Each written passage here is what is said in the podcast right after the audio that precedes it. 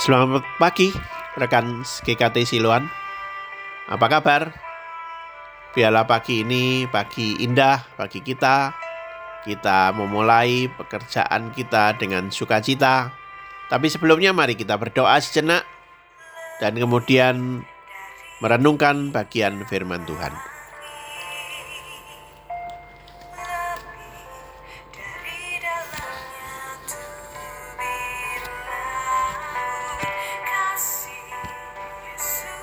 Keluaran 29 ayat 42 di dalam bahasa Indonesia sehari-hari.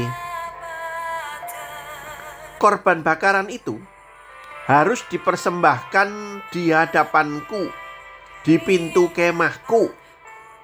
Di situlah aku akan bertemu dengan umatku dan berbicara kepadamu.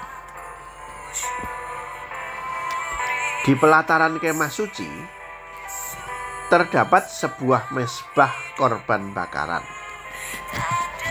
Uniknya, logam murni emas yang banyak dipakai untuk menghiasi bagian-bagian lainnya dalam kemah suci itu tidak dipakai untuk menghiasi mesbah korban bakaran. Beberapa bagian dari mesbah itu hanya dilapisi dengan tembaga Perlengkapannya juga dibuat dari tembaga. Lambang penghakiman dari Tuhan juga mengingatkan bahwa oleh karena Allah bersifat adil dan benar, mau tidak mau ia harus menghakimi persoalan dosa. Ia harus menjatuhkan hukuman ke atas siapa pun yang berdosa. Di zaman Perjanjian Lama,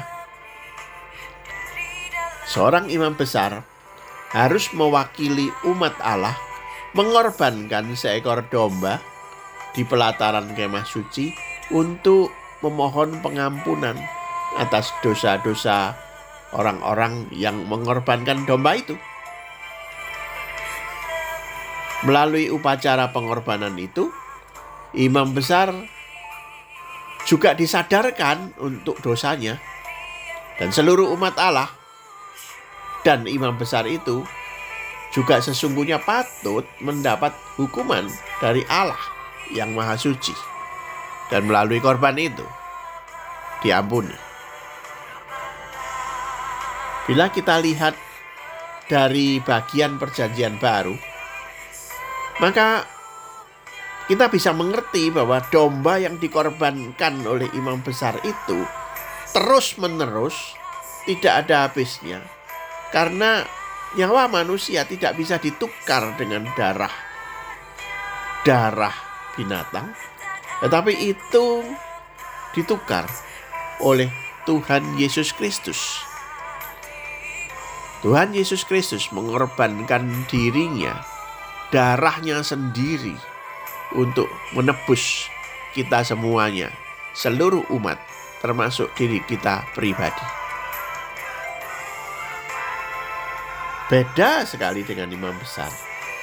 Tuhan Yesus itu imam besar yang tidak berdosa. Tuhan Yesus tidak membawa darah seekor domba untuk dipersembahkan kepada Allah sebagai persembahan untuk penebusan dosa. Tetapi jelas-jelas tidak di kayu salib ia membawa darahnya sendiri.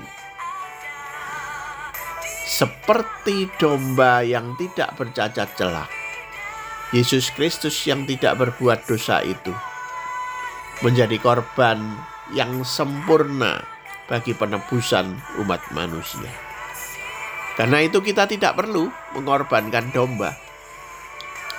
Orang-orang di perjanjian lama harus mengorbankan domba setiap saat, setiap ada dosa, setiap ada kesalahan, dan bahkan setahun sekali selalu mempersembahkan karena nyawanya tidak bisa ditukar oleh domba dan terus berulang dan itu masih merupakan simbol.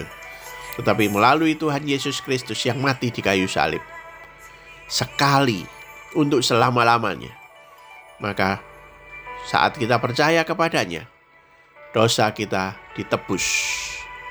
Diri kita ditebus, dosa kita dihilangkan, dihapus sampai selama-lamanya.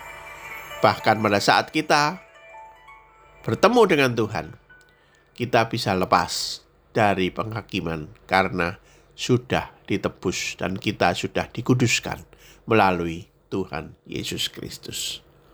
Biarlah ini menjadi satu kegembiraan kita, pengharapan kita, sekaligus sukacita kita. Mari kita bekerja dengan baik, melakukan semua dengan baik, beribadah dengan baik, menyembah dengan baik, karena kita sudah ditebus dan kita sudah dikuduskan oleh Tuhan. Amin. Tuhan memberkati kita. Shalom. Selamat pagi.